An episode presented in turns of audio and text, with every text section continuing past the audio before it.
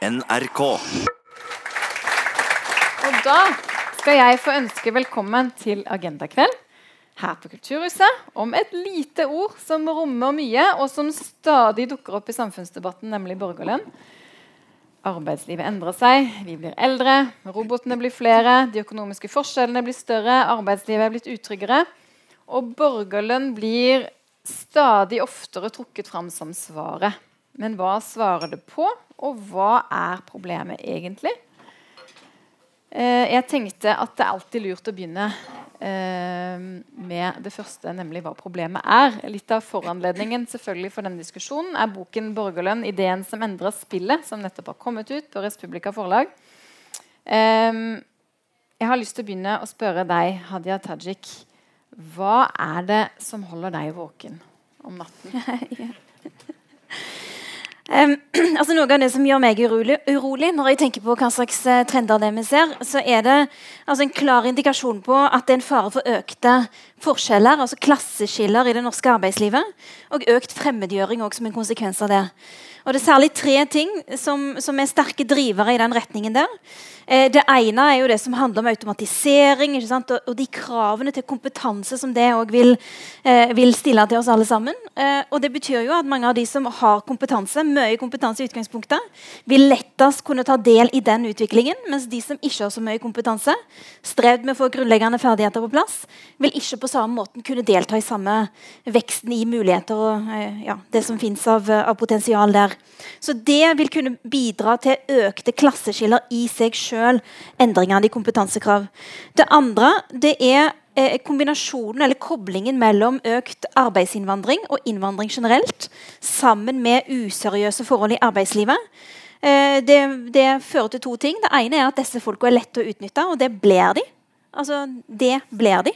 Den, altså utvidelsen av EØS, EU e ut mot Øst-Europa har fått den type konsekvenser i en rekke bransjer i Norge. Og det andre er jo at veldig mange av de som kommer til Norge eller har innvandrerbakgrunn, eh, tar jobber som eh, nordmenn da ikke vil ha.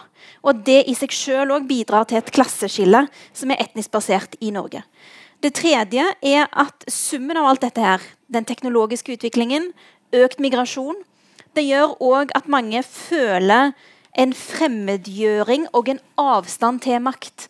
Og det jeg mener med det er at Når det blir mer teknologi vel, Jeg tror ikke det er mange som kjenner på at de har ikke vært med på å bestemme dette. Altså, de har ikke, Når de har stemt på et parti, eller noe sånt, bestemt at det skal få denne type konsekvenser. Det er en utvikling som skjer fordi de mulighetene finnes der, fordi markedskreftene trekker i den retningen. Men òg fordi måten vi bruker teknologi på, kan bidra til økt fremmedgjøring. F.eks. hvis vi bruker det til å fatte beslutninger. Altså algoritmebaserte offentlige beslutninger, som jo fins til, til, en viss grad allerede. Man, det, man kunne lese i Aftenposten om UDI som har automatisk sånn der, eh, beslutning når man har faktagrunnlaget på plass. Eh, og kanskje vil man ha sånn på byggesøknader og andre ting. og Det vil kunne gjøre at folk tenker men dette aksepterer jeg ikke. Det, altså Hvem skal jeg klage til? på sett og vis? Det er en maskin i den andre enden. Så Poenget med dette her er at når du spør meg hva er det som gjør meg urolig, så er det det at summen av de utviklingene vi ser her nå, kan bidra til økte klasseskiller mellom folk i norsk arbeidsliv. Kalle Moene, hva er uh, vår største utfordring, tenker du? Jeg trodde du skulle spørre meg hvorfor, uh, hva som gjorde at jeg ikke sov om natten. Men det vil i tilfelle være at jeg ikke er kommet meg hjem ennå. Men, men jeg syns av og til at vi lager for mange bekymringer om, om det. Men altså, borgerlønn er Jeg liker ikke engang ordet, men uh, jeg kaller det for garanterte minsteinntekter. Uh, uh, det er, har så mange utforminger som uh, også forfatterne som sitter på min venstre side her, har forklart i den nylig utkommende boken. at at det er så mange som kan være for med helt forskjellig begrunnelse. Og, og, og, Det er grunnen tror jeg, til at, at, det ikke blir noe av med det aller første. For det, at det som noen av oss gjerne vil innføre ved hjelp av garanterte minsteinntekter til alle, det er noe som andre vil avskaffe ved å innføre samme reformen. Og Det er det, er det store dilemmaet for denne type uh, denne type diskusjoner også litt. At, at, at en legger forskjellige ting i det. For Jeg kan ikke si at det er én definisjon av borgerlønn den skal være på et bestemt nivå. Men Vi skal komme litt tilbake til borgerlønn og hva det er. Eh, fordi Jeg vil gjerne først eh, ha, eh, forstå litt bedre hvilket problem det er vi skal løse. Eh, vi har snakket om ja, skal, Unnskyld, jeg hørte ikke det. altså, men... Eh, nå skal jeg høre etter her. Tom. Altså, hvilke problemer vi skal løse? Vi skal løse det vanlige problemet som, eh, som, verden har hatt i 50 år. Og det er en ulikhetskrise i verden. Det er et alvorlig problem at det er så enormt store forskjeller. Eh, både mellom folk som bor i forskjellige land, og innad i de fleste land. Vi har vært på den gode siden. Vi har vært med i konkurransen om de minste forskjellene. Men fremdeles er forskjellene økende her. Og det som er farlig, det er at de er for selvforsterkende økende. Jeg vurderer det som være det store problemet. Og de, alle endringer som er i teknologi, i utfordringer eh, internasjonalt eh, ved innvandring og hva det måtte være, de virker gjennom den grunnleggende motsetningen der. At, at forskjellene veldig lett øker. Og da har vi ikke lenger de samme felles interessene i samme grad som tidligere. Og da lever vi veldig delte liv. og vi splitter opp samfunnet, og vi fungerer ikke like godt som før. Men det syns jeg er det viktigste problemet. Og disse tingene, og du, du var inne på det samme, de er jo resultater av politikk. Eller mangel på politikk. Ja. Altså, eh, det har jo blitt påpekt av dette med at uh, man har sett i mange europeiske land en utvikling innenfor arbeidslivspolitikken. At man ønsker mer såkalt fleksibilitet. Eh, og at det òg har vært en villa utvikling fra flere, altså fra flere, hold. Jeg vil bare understreke det er ikke villa fra min side. Altså det, dette med såkalt fleksibilitet innenfor arbeidslivet det er bare sånn nytale for uh, midlertidige kontrakter, mer deltidsarbeid, minijobber. Folk som ender opp med å ha både to, og tre og fire jobber for å få ting til å gå i hop. Og det er på en måte ikke en utvikling som jeg ønsker for arbeidslivet i det hele tatt. Um, jeg mener jo at for å, få, altså for å, få, disse tingene her til å funke, så trenger man en politikk som handler om et tryggere arbeidsliv. Det har jo nesten blitt slags, en slags sånn banalitet eller en slags klisjé å si at det skal bli, være like fint å jobbe som å danse. Men det er jo det det handler om. Det skal være like fint å jobbe som å danse. Og klarer vi å bygge et sånt samfunn, så vil man jo se at arbeid er en gave, ikke en byrde. Og da er det arbeid vi vil søke, ikke borgerlønn som til erstatning for et arbeid vi ikke fikk, eller et arbeidsliv som var for rått eller brutalt. Og nå hører dere jo hvor jeg plasserer meg i denne diskusjonen.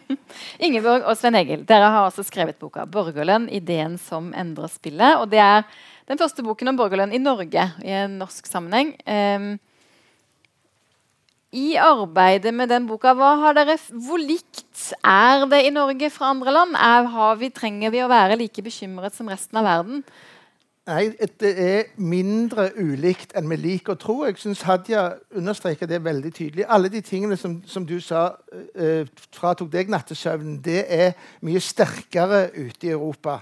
Vi, vi, har et mye bedre utgangspunkt enn de fleste andre land. Vi har sterkere arbeidsmiljølov, vi har en, et samarbeid på, mellom arbeidslivets parter som er sterkere enn de fleste land. Men det er ikke sånn at problemene i Europa stopper på fergekaien i Hirtshals er, de kommer hit. De kommer akkurat samme type utvikling. Den kommer bare kanskje svakere og seinere.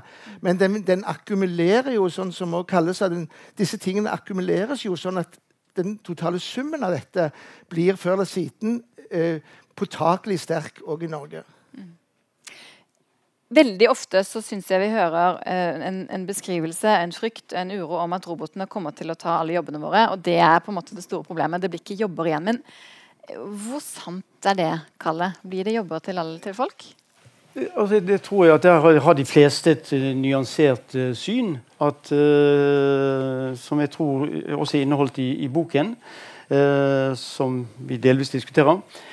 Det er at, at i, historiens løp så har det blitt skapt har teknologiske revolusjoner skapt flere jobber enn de har tatt bort. Eh, men det er nye jobber, og det er, det er omdanning. Folk som er utdannet for én ting, man kan ikke gjøre noe helt annet. Eh, det som jeg reagerer litt på når folk sier dette, at, det at dette kommer nok først i USA, det tror jeg ikke. Altså det, der som robotiseringen kommer, det er der som de minste lønningene er høye. Der kommer robotiseringen. Så, altså, den troen på dette at bare, altså, I USA har de sjekken. Og hvorfor det? Jo, fordi de har billig arbeidskraft som kan gjøre det kjedelige arbeidet og arbeide med papirsjekker. Det ble avskaffet. Det, de Flertallet i salen her har aldri sett en sjekk, men det har de altså fortsatt i USA. IT-revolusjonen eh, kom mye raskere til de nordiske landene enn til, eh, til USA. Hvorfor? Jo, fordi at den kunne, både fordi vi hadde god råd, og fordi at den også kunne erstatte eh, arbeidskraft som ellers var ganske dyr. Den industrielle revolusjonen i seg sjøl kom først i England. Hvorfor det? Jo, fordi at London hadde de høyeste lønningene i verden på det tide. Så den nye teknologien som kom med den industrielle revolusjonen, den var kjent over hele verden, men den ble brukt der, løn, der, de minste lønningene var høye, ikke der de var lave. Og ikke der veiene var rette. Eh, og jeg tror Det er ganske viktig. Derfor er, derfor er de, hvis, hvis en tror på at det kan være dramatiske endringer med, med robotisering, og sånn, så er det i hvert fall ikke noe, eh, noen grunn til å tro at en skal føle seg spesielt i, trygg i land med små lønnsforskjeller. For der vil det være spesielt lønnsomt å erstatte eh, nederste del av, av eh, lønnsfordelingen med roboter. Og du kan også få press på, på lønningene. Men jeg, jeg tror ikke, jeg er mye mer redd for den ulikheten som dette skaper. Hva er roboter? Jo, Det er å sette ut i livet forskningsprosjekter som har vært ført på offentlig finansierte eh, prosjekter verden over. I årtier etter årtier. Når det skal settes ut i livet, så er det noen smartinger som får hele gevinsten av at denne offentlig finansierte forskningen skal nå implementeres kommersielt. Så det er jo helt vanvittig dumt hvis de store gevinstene skal gå til de som akkurat tar det siste steget, mens de som gjorde hele jobben, og de som var mer finansierte på det, oss alle, de får nesten ingenting av det. Og Det, det er poenget derfor med en borgerlønnsreform, f.eks. De å tenker igjennom dette. Dette er jo ting vi egentlig har eierskap til. For vi burde jo få en bestemt andel av gevinstene som dette skaper. Noe av dette får vi gjennom fagforeninger, gjennom velferdsstaten i dag. Men det å garantere det krever en annen eh, løsning. Så jeg er mye mer redd for at ulikhetsskapende effekten av nye roboter enn at de helt tar jobbene til folk. Og så En siste ting akkurat når det gjelder altså, vi må ikke, vi, det, vi, grunnen til at vi hauser opp arbeidet, det er fordi at arbeidet i de fleste land er en sosial aktivitet. Mye av livet vårt er knyttet til det. Men mange aviser sitter her, har jobber som er sånn at vi ikke vet helt om vi jobber eller ikke. Eh, og det er, det er et framsteg. Det er fremsteg. Noen av dere liker det så godt at du vet ikke helt jobber noe, eller sitter egentlig på kafé og leser. Jobber du nå, f.eks.?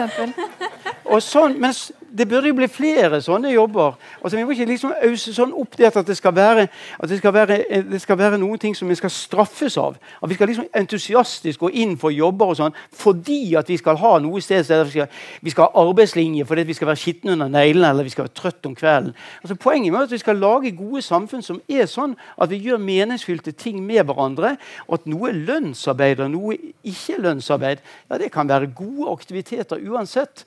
Og det er snakk om organisering regjering. Og jeg vil råde Arbeiderpartiet, som jeg syns er et fint parti på mange måter, til å være litt mindre baktung i den saken her. Hadia, eh, jeg vet ikke om eh, Kalle jobber eller danser nå, men eh, Nei, begge deler, tror jeg. Han koser seg. Ja, eh, men, men eh, det ene er jo om det blir like bra å jobbe som å danse. Men så er det vel også et spørsmål om det er et valg eh, å jobbe. Hva tenker du om eh, hvor mye vi får velge om vi skal jobbe eller ikke? Og, og hvem det er som får jobbe, og utsiktene til at eh, flere enn i dag eh, får delta? Altså Behovet for arbeidskraft i årene som kommer, kommer til å fortsatt være ganske formidabelt, selv om det måtte komme eh, økt robotisering og automatisering. Det er framskrivninger som er veldig tydelige på at vi trenger flere fagarbeidere, flere jordmødre, flere ingeniører, flere lærere. altså og, og, hvis man bare ser på sysselsettingsgraden, det skriver jo dere også litt om i boka, eh, at eh, i 2008 så var sysselsettingsandelen på 72% Nå i 2017 så er man nede på 67% Om vi så bare skulle klart å løfte oss i sysselsettingsandel, altså andel folk som er i jobb opp til det nivået som man var i 2008, så er det altså i hvert fall 185 000 flere folk man trenger å få inn i jobb. Og så vet vi at sånn som situasjonen er i dag, så er det omtrent en tredjedel av de som er i arbeidsfør alder, som står utenfor arbeid. Eh, og det er mange ulike årsaker til det. Noen av de kan reelt ikke jobbe, for de har så store helseproblemer. Men ganske mange av de ønsker å jobbe, og kan i hvert fall jobbe litt.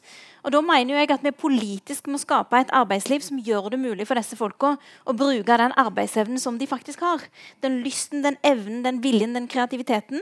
Det betyr at vi må skape et arbeidsliv der det er rom for å ikke være 100% Og Da trenger man mer av, ja, altså av, av trygghet i arbeidslivet og mindre av den europeiske trenden som man ser knytta til, ja, til såkalt fleksibilitet. Og så tror jeg det er første gangen Kalle, at noen har anklaga meg for å være baktung. Altså. Men jeg får bare ta det med meg. Jeg, jeg mener jo, jeg mener jo Kanskje deg med partiet ditt. Jo, jo. Men dette er jo et av de områdene der jeg faktisk er enig med partiet mitt. Og det Jo. Det er en bra ting. Og det er ikke noe selvfølge på alle områder. Men her mener jeg liksom virkelig av hele mitt hjerte, mitt syn på arbeid, Eh, altså handler om at det først og fremst handler om mestring, fellesskap, selvrealisering, bidra til noe, skape noe. Og at det er den grunnleggende sosiale kontrakten som vi har mellom oss som mennesker. At vi, vi, stoler på at alle bidrar, og så stoler vi på at vi deler på en rettferdig måte, sånn at de som trenger hjelp, får hjelp. Og jeg mener jo for at Det som, som, er en svakhet ved, ved boka deres, altså selv om det er en interessant bok og, og lærerik på mange måter, så gjør den f.eks. dette med avstand, mangel på muligheter, fremmedgjøring til et rent økonomisk spørsmål. Og jeg mener jo at Det som er en av utviklingstrendene i dagens samfunn, særlig knytta til migrasjon, gjør jo òg at det er ekstra viktig å ha en sosial kontrakt i bunn. Som gjør at man kjenner på det, at alle bidrar, alle eier litt av noe. At alle er med på å skape dette samfunnet. Den sosiale kontrakten der er noe av det som vil holde oss samla når diskusjoner om migrasjon prøver å rive oss, rive oss i fillebiter. Dette, disse diskusjonene mener jeg har en sosial og kulturell dimensjon som ikke kommer tydelig til uttrykk i denne boka, og som heller ikke blir ivaretatt av en idé om borgerlønn, der du bare får en pengesum. Den er til deg, men hva forventer vi av deg? Den sosiale kontrakten der er det som vil få samfunnet vårt til å funke når de der debattene om migrasjon rir oss som en mare. Ingeborg, hva med den sosiale kontrakten? Ja, jeg er jo enig i veldig grunnleggende det du sier, Hadia. At, eh, at uh, dette samfunnet bygger på en sosial kontrakt som har funka i mange tiår nå. Uh, men uh, mange av dere har sikkert lagt merke til at det nå har kommet noen bøker som handler om de nye jobbene som kommer. Hva slags jobber er det? og det har kommet én bok som heter 'Bullshit Jobs' som er skrevet av en veldig interessant fyr som heter David Graber. Um, uh, og så har det kommet en bok i Danmark som skapte ganske mye uh, overskrifter i vår, som heter 'Saudoarbeid', under tittel 'Hvordan vi fikk det travelt med å lage ingenting'. Og det bygger, på, um, det bygger på den kunnskapen som er dokumentert at svært mange i dagens arbeidsliv føler at jobbene deres mangler mening.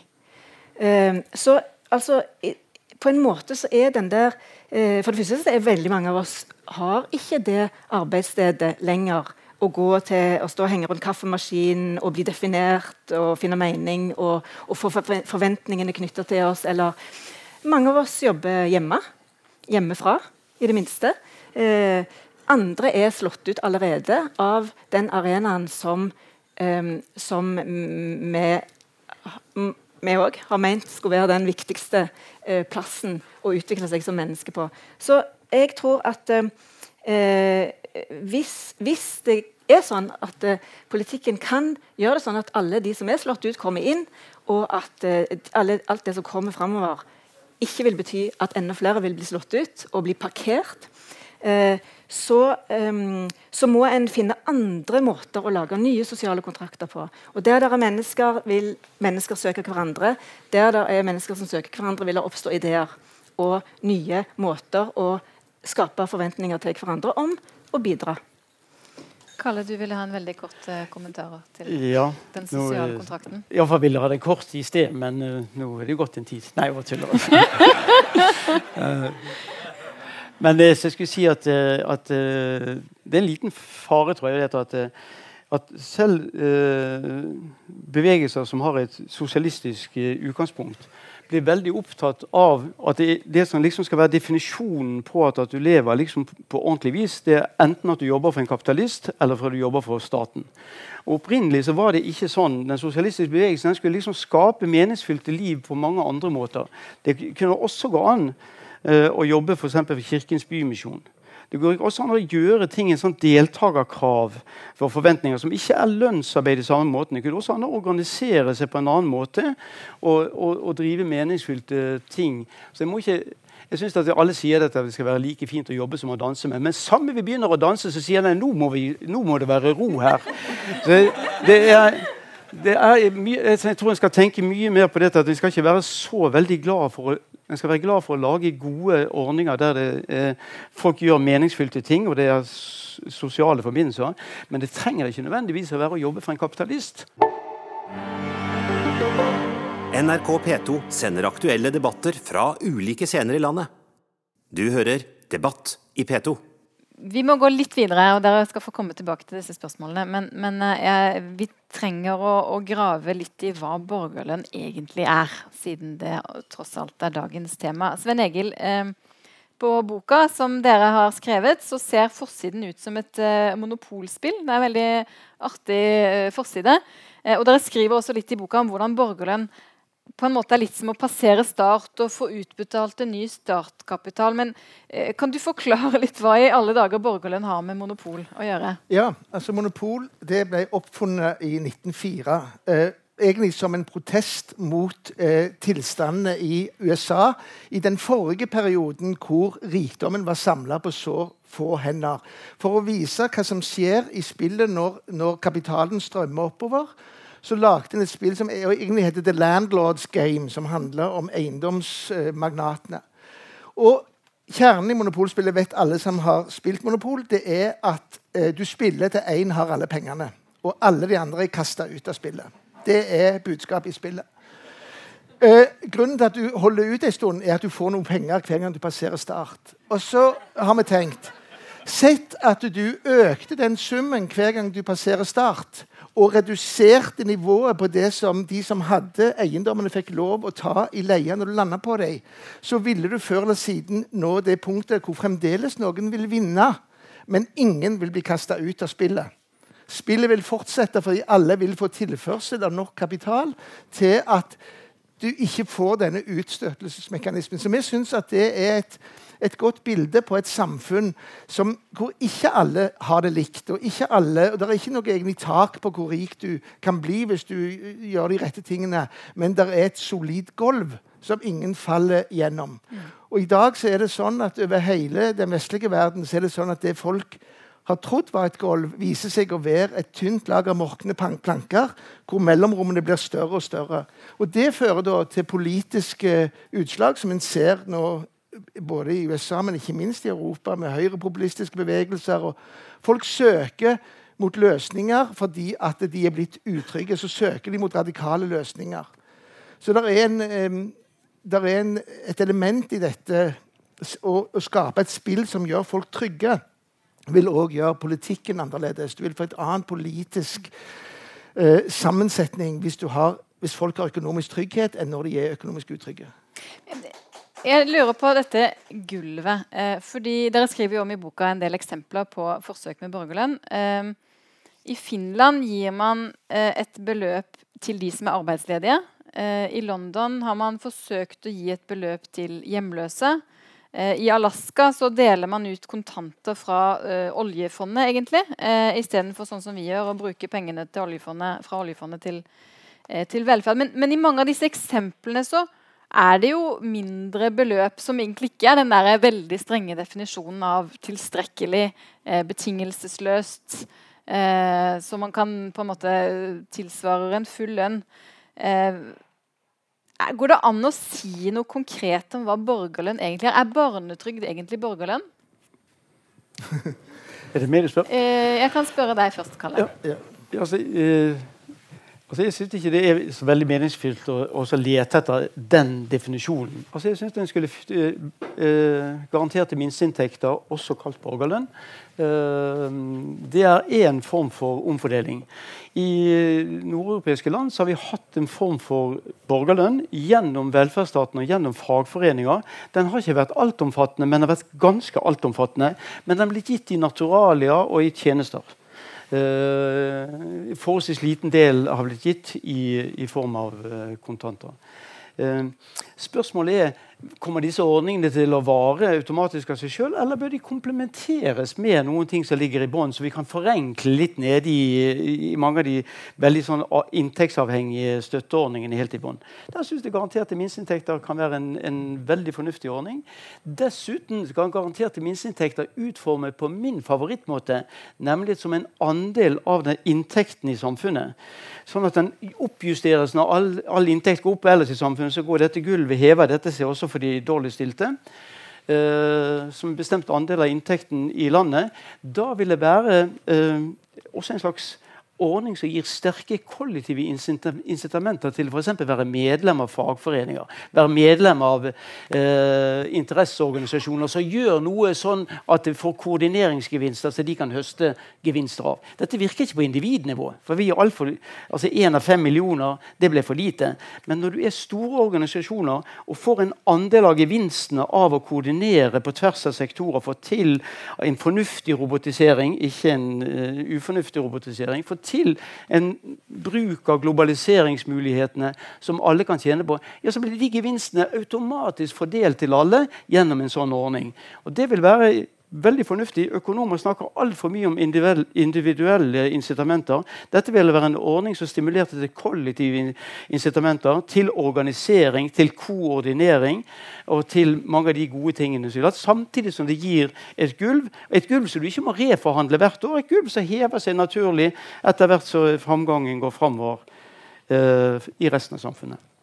Hadia, hvis vi ikke snakker om borgerlønn, men om kontantytelser, hva tenker du da? Altså, Vi har jo kontantytelser i norsk eh, velferdssammenheng òg. Altså kontantstøtte f.eks. Eller, eller ting som både knytter seg til en livssituasjon. Altså, du er, du er ikke stupend, du er student. Du kan få stipend. Ja, ja. Altså, sånn, altså det, det, den type ordninger finnes jo. Men jeg eh, opplever ikke at det er det samme man, man, tenker på når man snakker om borgerlønn. Altså jeg tror jeg vil skille mellom det som på en måte er en sånn betingelsesløs ytelse som går til alle fordi man er en borger, og eh, en ytelse som det er knytta noen betingelser til. F.eks. at du er arbeidsledig, men arbeidssøkende, og dermed får en, en ytelse knytta til det. Så er det jo et spørsmål om hvordan, hva slags innretning man skulle ha, da, hvis vi skal leke med den ideen. Uh, og Jeg hører gjerne mer om hvordan Kalle Moene tenker omkring disse tingene. Men jeg vet jo at Venstre, for eksempel, partiet Venstre bestilte en utredning fra utredningsseksjonen på Stortinget knytta til borgerlønn. Og, på en måte spurte hvis alle skulle fått en ytelse på altså alle voksne mennesker skulle fått en ytelse på 160 000 kroner eh, fra den norske stat eh, hvert eneste år, hva ville det koste for noe? Og da var utregninga og resultatet på det var at det vil koste 100 milliarder kroner hvis du trekker fra alderspensjon, dagpenger og sykepenger. Da koster det 100 milliarder kroner at alle får 160 000 kroner. Som en sånn båndplanke. Og i utgangspunktet tror jeg vi vil være enige om at 160 000 kroner er lite. Altså Det er vanskelig å leve av det som et utgangspunkt. Og bare for å ta den totalsummen en gang, for å få et forhold til hva 100 milliarder kroner er for noe, så er det alt det det offentlige Norge bruker på grunnskoleutdanning til oss alle sammen, og videregående skoleutdanning til oss alle sammen. Så det er jo et politisk valg da, å si om man vil bruke disse pengene på grunnskole og videregående skole, eller om man vil bruke det som en kontantytelse til den enkelte. Og Legg også merke til at Utregningen innebærer at du kutter da, alderspensjon, sykepenger og dagpenger. Hvis du lar være å gjennomføre det kuttet, så tilsvarer det omtrent 600 milliarder kroner. Og jeg bare mener, La oss heller bruke disse pengene i fellesskap og felles velferd. At det vil være noe som kommer oss alle mye mer til gode enn hvis man eh, gjennomfører det som en slags kontantytelse til den enkelte. Er det Ingeborg, meningsfylt å snakke om borgerlønn som et begrep? Vet vi nok om hva det egentlig er, eller kan det være alt mulig? Vi må jo diskutere dette, da. Sånn at uh, det blir klarere for alle. Ja. For det er jo uh, Vi kommer jo fra alle mulige slags kanter inn i dette, som har vært uh, som har vært et reservat for, for folk som har oppdaget denne ideen eh, opp gjennom tiden. Og det har jo pågått. Eh, jeg traff i, senest i dag folk som har holdt på med dette siden 75. og sånn. Eh, så, 1775. Ja. Faktisk. Ja, ikke sant. Men eh, ja, nå tenkte jeg på folk jeg har truffet i dag. Men, traff ingen fra 1775 i dag. Men, men, det jeg gjerne ville si, var, var den, den, den, det Hadia snakket om nå, nemlig finansiering av borgerlønn. Ikke det sånn ned til eh, den, det enkelte budsjettpost, men eh, la det seg finansiere. Um, det virker jo ganske opplagt uh, ut fra de beregningene som er gjort både i Norge og andre land, i OECD f.eks., at hvis du skal eh, si vi skal skifte ut dagens system med borgerlønn, alle skal få, da er det jo klart at veldig mange i dag i Norge ville fått mye mindre enn de får. Med, uh, som har mye større behov enn vanlige folk. Så, eh, men, men, nå var vi, Svein Egil og meg var i Finland i forrige uke på verdenskongressen for BIEN. Denne Basic Income Earth Network. Og Der er det jo da en enormt eh, spennende diskusjon om hvordan du ellers kan gjøre det. Og Det er jo stor enighet om at du må utvide denne kaka som Svein Egil snakket om. Du må bake den mye større. og det, det Kalle snakker om, er jo denne ulikheten som gjør at det er en sinnssykt misforhold mellom hva som er blitt sopt, eh, eller egentlig privatisert av fellesgoder, eh, og det som blir igjen til fordeling. Og der, um, der, er det mange politiske krefter som jobber for å prøve å få liksom, politikken uh, få grep igjen på det. Det skjer både på EU-nivå og, og, og, andre steder. Men det er jo der vi må gå. At vi er nødt til å insistere på at um, en, enorme konsern som, som tjener seg styrtrike på f.eks. Våre, våre data, de betaler ikke for seg. Sånn de må begynne å betale for seg. Eh, da vil fellesskapet få mer fordeling. Og vi kan ha en annen diskusjon som ikke handler om å sette det ene helt opp mot det andre. 50 land i verden har nå kopiert det norske oljefondet i en eller annen form. Det norske oljefondet, som nå har en kapital på over 8000 milliarder kroner, har vi fordi at noen forutseende um, jurister i Utenriksdepartementet kom på å lovfeste at det som lå i Nordsjøen, det var felleseie. Det skulle være nasjonens felleseie, det skulle ikke privatiseres. Og gevinsten av det det skulle komme alle til gode. Den tenkningen kan brukes på mange områder som i dag ikke blir beskatta.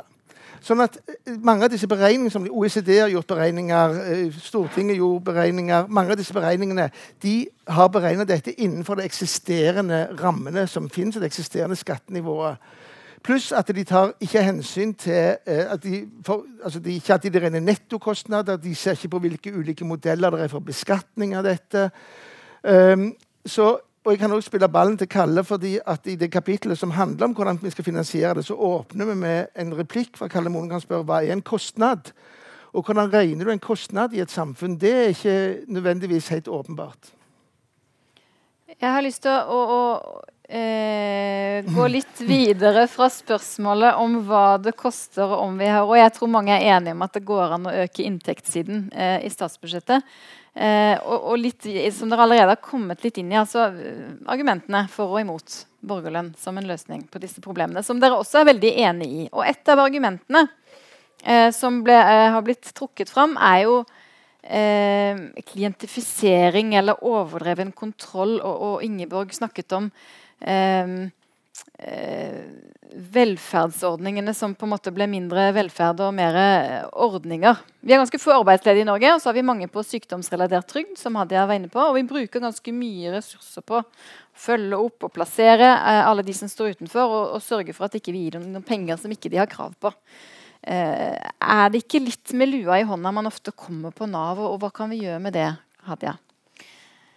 Jeg tror mange vil si seg enig i det. At de opplever det som vanskelig å være i kontakt med det offentlige Velferds-Norge. Eh, at de kanskje ikke blir møtt med respekt, eller at de opplever at de blir kontrollert på en måte som ikke er ålreit.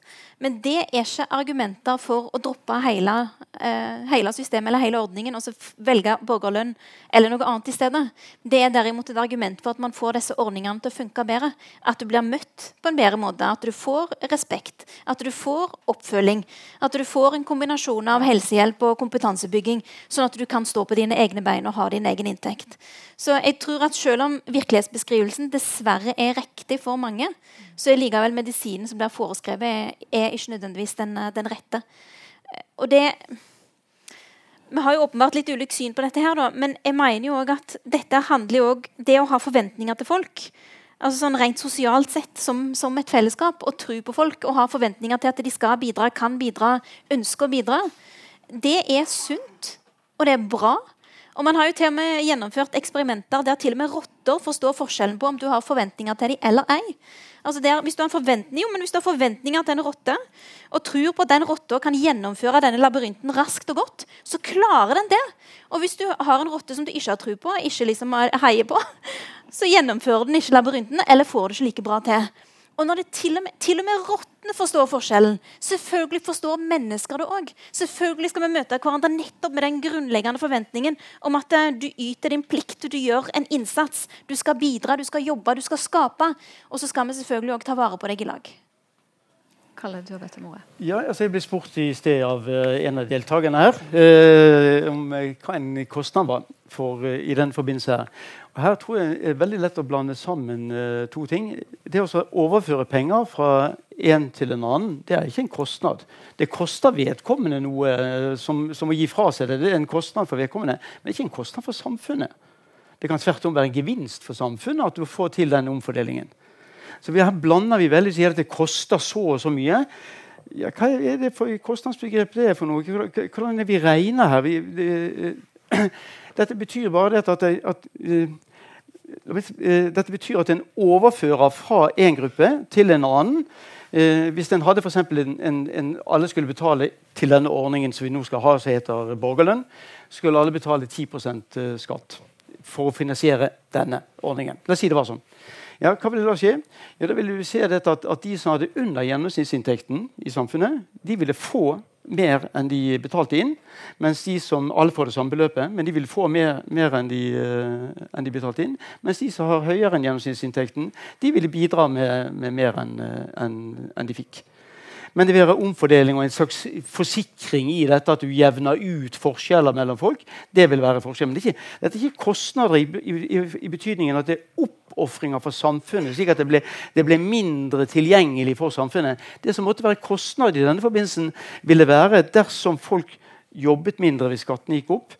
Uh, og, og, de jobbet mindre dersom, uh, dersom uh, de fikk støtte som var uavhengig av deres arbeid det som er tilfellet i de tilfellene at de overdriver enormt eh, straffen av, eh, av, skatt på arbeid.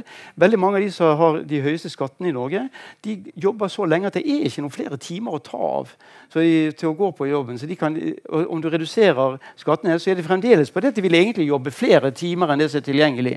Så de reagerer veldig lite på økte skatter. Mens, mens de som reagerer økte skatter, det er folk som vurderer om de skal være innenfor eller utenfor arbeidslivet. Det er akkurat det på den marginen der lønner det seg for meg å jobbe. egentlig men de vil jo komme bedre ut av en sånn ordning som dette her. Eh, ved at de får et, et, et, et, gulv å stå på. Slik at gevinsten av å arbeide for deres del ville være eh, mye klarere. De vil ikke gi opp noen trygdeordninger som, som, de måtte nyte av godt nå. De har et gulv som ligger der uavhengig av hva de gjør, og så kommer arbeidsinntekten i tillegg. Jeg tror det er viktig også, og jeg tror jeg, flere som har mint, oss på at vi bør diskutere disse tingene. Akkurat med hva slags kostnader for samfunnet det tror jeg er veldig viktig å, å tenke igjen. For vi bruker ordene akkurat som det, det er liksom oppofringer som det er noen som liksom, du blir mindre til den andre av at gjøre gjør eh, sånne ting. Omfordeling er omfordeling. Kostnader er noe annet. Det. Um, Sven Egil, ja, Vi er jo alle oppdratt i den protestantiske arbeidsetikken. Hvor du skal uh, yte, så skal du nyte. Men eh, i det som du sier, Hadia, så ligger det sånn implisitt at du må først eh, arbeide, så får du lønn for strevet. I borgerlønndebatten er det mange som sier men hvorfor kan du ikke få lønn før strevet? Um, hva vil det gjøre med arbeidsetikken? Vil du ikke yte da hvis du, får, hvis du er garantert lønn, og hvis du er trygg at uansett så vil du få lønna? Uh, det andre er definisjonen er at vi har definert arbeid som en viss del, en visse type av virksomhet. Det er de som inngår i bruttonasjonalproduktet, de som blir vurdert. og Det har stort sett tradisjonelt vært mennene sitt arbeid. Veldig mye av kvinnene sitt arbeid har ikke vært definert som arbeid. Og heller ikke vært lønna på noen måte. Um, på engelsk har de den fordelen at de kan skille mellom work og labor. Mellom alt arbeid og mellom betalt arbeid. Og til det betalte arbeidet som inngår i bruttonasjonalprodukt, så er, der er alle der er jo alle finansforvalterne og markedskoordinatorene. Men, men omsorgsarbeid i hjemmet, eh, opplæring av frivillig arbeid i, nær, i, nærmiljøet Alt dette er jo da ikke eh, den type arbeid. Så I denne debatten her så ligger det òg veldig mye eh, incitamenter til å diskutere hva er arbeid, og hva er den moderne kontrakten mellom arbeid og ytelse i et, i et, samfunn som er annerledes enn det var på 50-tallet, når halvparten av befolkningen drev med ulønnet arbeid? Altså, I ditt syn på samfunnet så aksepterer jeg hele premisset om at det er like verdifullt for et samfunn at bestemor steker vafler når eh, barnebarna spiller fotball, fordi det mm. gjør noe med samfunnet vårt. Mm. Det gir varme, det gir fellesskap, det gir glede. Det, altså det gir så mye mening. Eh, og at det er like verdifullt som at eh, far jobber i bank. Men så er det likevel også sånn at hvis vi skal finansiere den skolen som de barnebarna går i, så trenger vi at det blir skapt økonomiske verdier. Så far og mor må, må jobbe, skape økonomiske verdier for at vi òg reelt, reelt, sett skal kunne dele.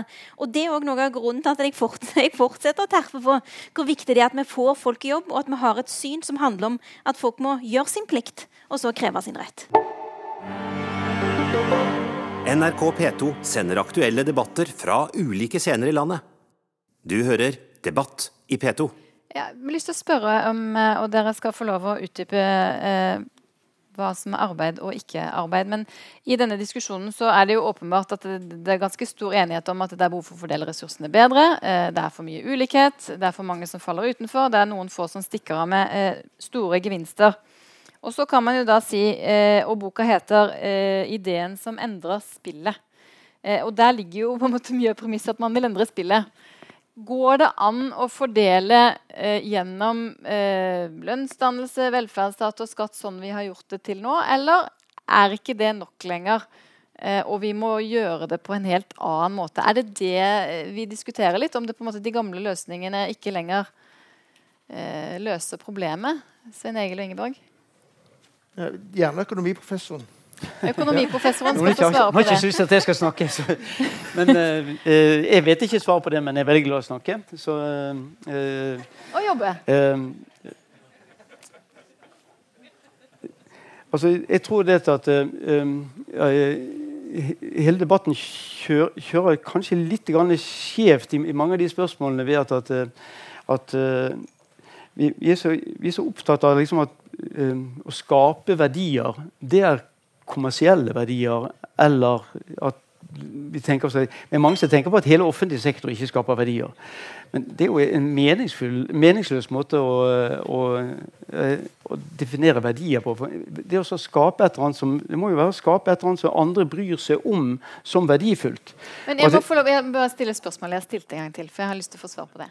Eh, er det sånn at lønnsdannelsen, systemet for lønnsdannelse som vi har i Norge, og velferdsstaten og eh, finansiert av skatt, ikke kan fordele ressursene, så vi trenger noe helt nytt? Eller kunne vi også klart det? Sånn som Vi har gjort vi det til kunne også klart det slik som vi gjør det nå, men de ordningene vi har, er under press. De er under press av to eller tre grunner. De er under press fordi at vi har en endring i økonomien som mer og mer av det som noen er veldig glad for å kalle for verdiskapning, skjer i servicenæringen. Eh, og, og, der eh, er det ikke samme tradisjon for fagforeninger. Eh, derfor så går fagforeningsprosenten ned. Den har vel gått ned fra en 54 til en nærmere 50% nå. Men, men, i Sverige er det mye mer dramatisk. bare sånn at en eh, ikke tror at, men Det starter fra et høyere nivå, men en drastisk reduksjon på en 20 prosentpoeng. eller noe sånt. Så at disse tingene er endringer. Så det er det ene at, at du får en annen sammensetning av uh, fagbevegelsen. Uh, rett og slett fordi produksjonen er satt sammen på en annen måte. De som før var liksom, jobbet i eksportsektoren, der jobber det maskiner. stort sett. Uh, så vareproduksjonen er mekanisert i mye sterkere grad enn tjenesteproduksjon. Og, og Hvis den ikke har samme tradisjon for fagorganisering med de, så, så, vil den ordningen svekkes. En annen ordning som svekkes, er, er velferdsstaten i seg sjøl. I Norge har Norge er unntaket. I, I, Sverige for eksempel, så drøs, kutter de støtteordningene dramatisk. Både tildelingsgrunnlaget for å få støtte, og hvor sjenerøs den støtten du får. Men både det hva som kvalifiserer for å få støtte, er, er redusert, og en, en nokså dramatisk økning i ulikheten for de som er under gjennomsnittsinntekten i Sverige. Og Det er veldig stor forskjell her. På Norge er det nesten ikke noe som skjer der under under de som tjener 50% mens det er en veldig stor svekkelse av, uh, uh, av, det, av, av det ulikhet som er skapt blant de Eh, blant majoriteten av de som er eh, gjennomsnittet av inntekt. Så jeg tror at disse ordningene svekkes. Og da er spørsmålet når skal vi komplementere dem? Skal vi komplementere dem når disse organisasjonene er så svake at de kommer ikke til å ha en, en, et ord med i laget hvordan det skal gjøres? Eller skal en gjøre noe mens de fortsatt er sterke og står oppreist og kan virke de får ordninger som virker gode? Og her er det liksom det, det, det svikter litt i debatten. syns jeg. Vi må selvfølgelig innføre en ordning når vi fremdeles har makt til å gjøre det ikke når, når folk er blitt så svake eventuelt at de ikke får det til. Og Det er situasjonen i mange europeiske land i dag. At, eh, at kollektiv handling er, er satt ut av stand til fordi at de kollektive organisasjonene er svekket. Derfor nå, og ikke siden. Vårt yrke, vårt yrke har vært gjennom en hestekur de siste ti åra. Eh, hvor antallet journalister i Norge er redusert med en 30% Ikke fordi at dette samfunnet trenger mindre informasjon, eller fordi at det er mindre verdifullt å sørge for at vi har en opplyst befolkning, men fordi at de midlene som finansierte journalistikken i Norge, i dag blir eksportert ut av landet uten å bli beskatta i Norge. I den nye økonomien vil det bare tilta at pengene blir Fordi at mye av det som skaper den såkalte økonomiske verdiene, det er det er ikke-materielle ting som en kan eh, da trekke gevinsten ut av landet og skattlegge det der hvor skatten er aller, aller lavest.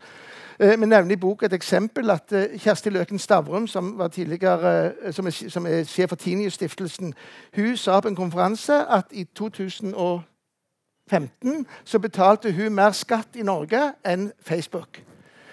Det er klart det er en absurditet at en enkeltperson selv med en god lønn betaler mer i skatt enn et selskap som trekker milliarder ut av det norske markedet. Så der til de spørsmål vi må gjøre noe med lønnsdannelsen, fordi at denne tendensen vil bare forsterke seg. Og hvis vi skal bare beskatte den, det arbeidet som, hvor arbeidsgiver og fysisk arbeid og alt er innenfor Norge og innenfor norsk jurisdiksjon, så vil skattegrunnlaget bli erodert. Så vi må uansett tenke på internasjonalt samarbeid, selvfølgelig.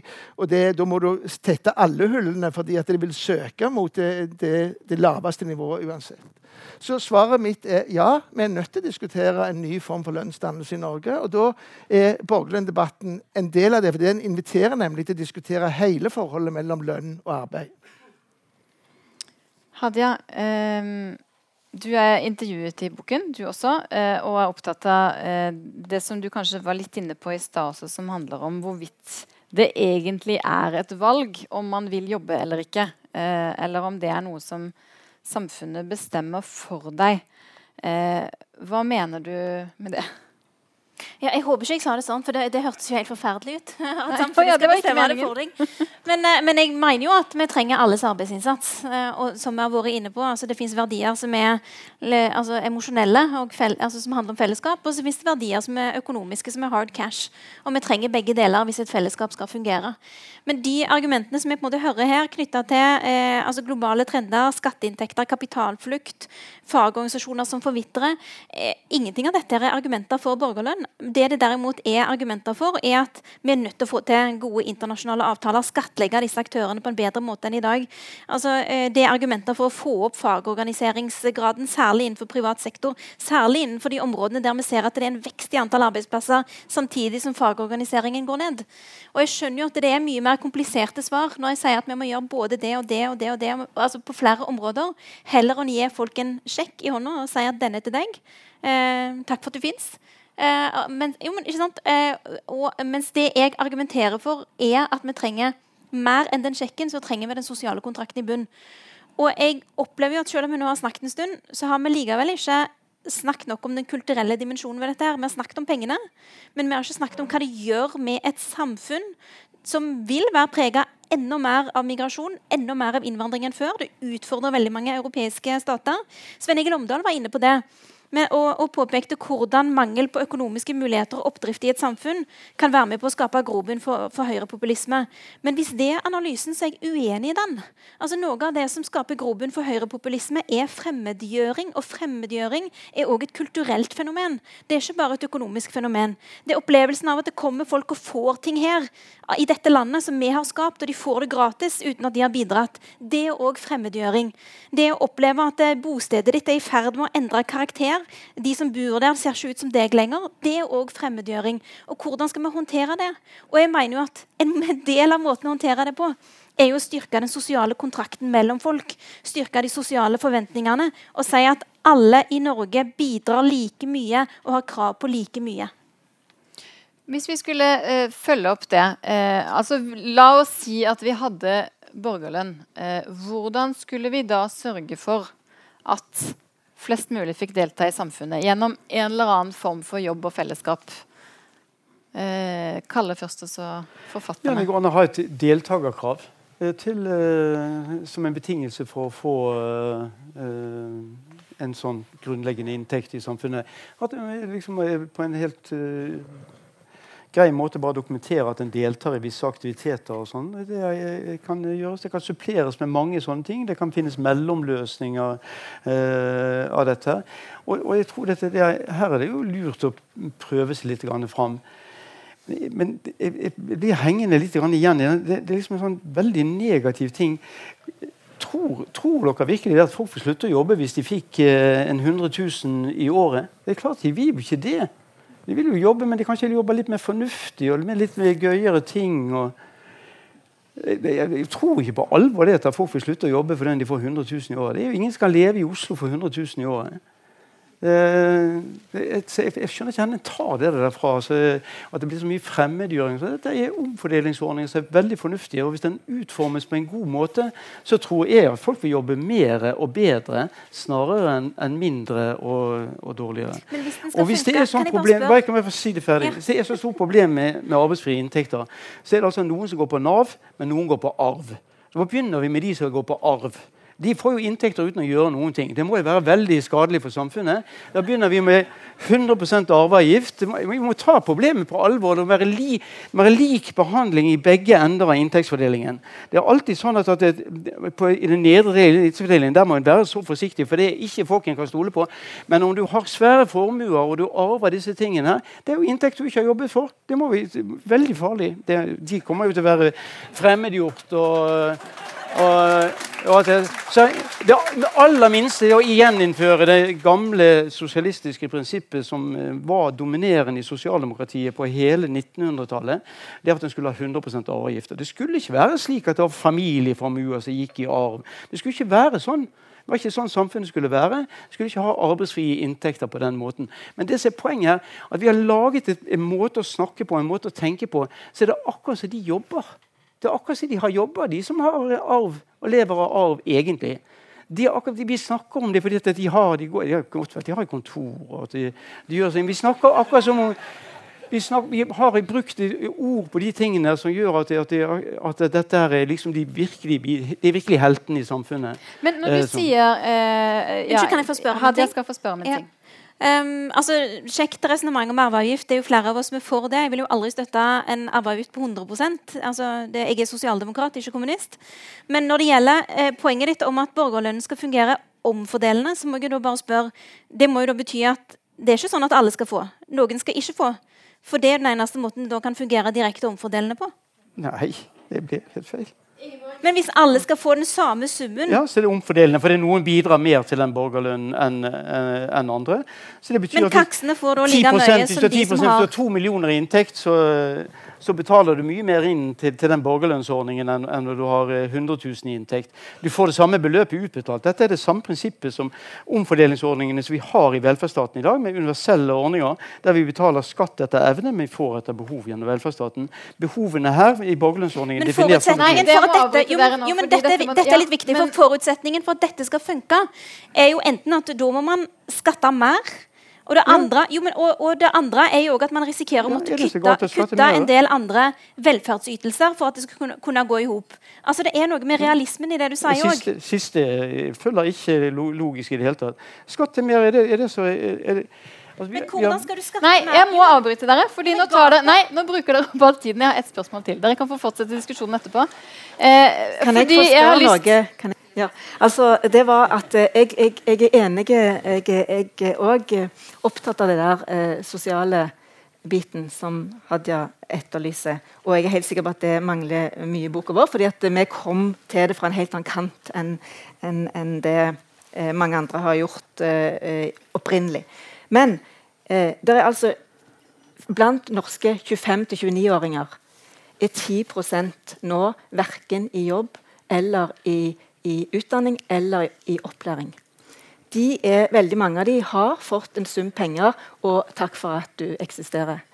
De er da eh, mer eller mindre parkert, de er veldig stigmatisert. Eh, 10% av den aldersgruppa hvor du virkelig skulle begynt å, å, å, å blitt det du kunne bli i, i livet, og bidra, er satt ut allerede.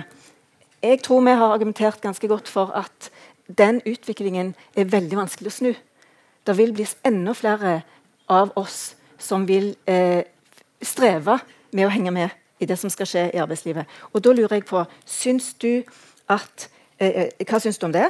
Og det andre er alt arbeid for deg mer verdifullt enn å ikke jobbe? Jf. bullshit jobs. Folk Nei. jobber som skilt i Oslo skal Hadia sentrum. få 30 sekunder til å svare på. og Hun skal også få siste ord. Altså, det korte svaret er nei. Bullshit jobs er ikke veien å gå.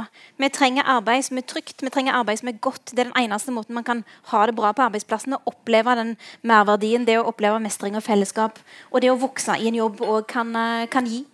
Hva var det første spørsmålet ditt? Det var om vi, om vi har råd til å ha 10% av unge voksne Nei, det har vi ikke Parkert. råd til. Og det Men de, ble, de, de, blir, de, får jo ikke inn i jobb ved å gi dem borgerlønn. Vi ble ikke ferdig uh, med diskusjonen om borgerlønn i dag heller. Men gi panelet en applaus.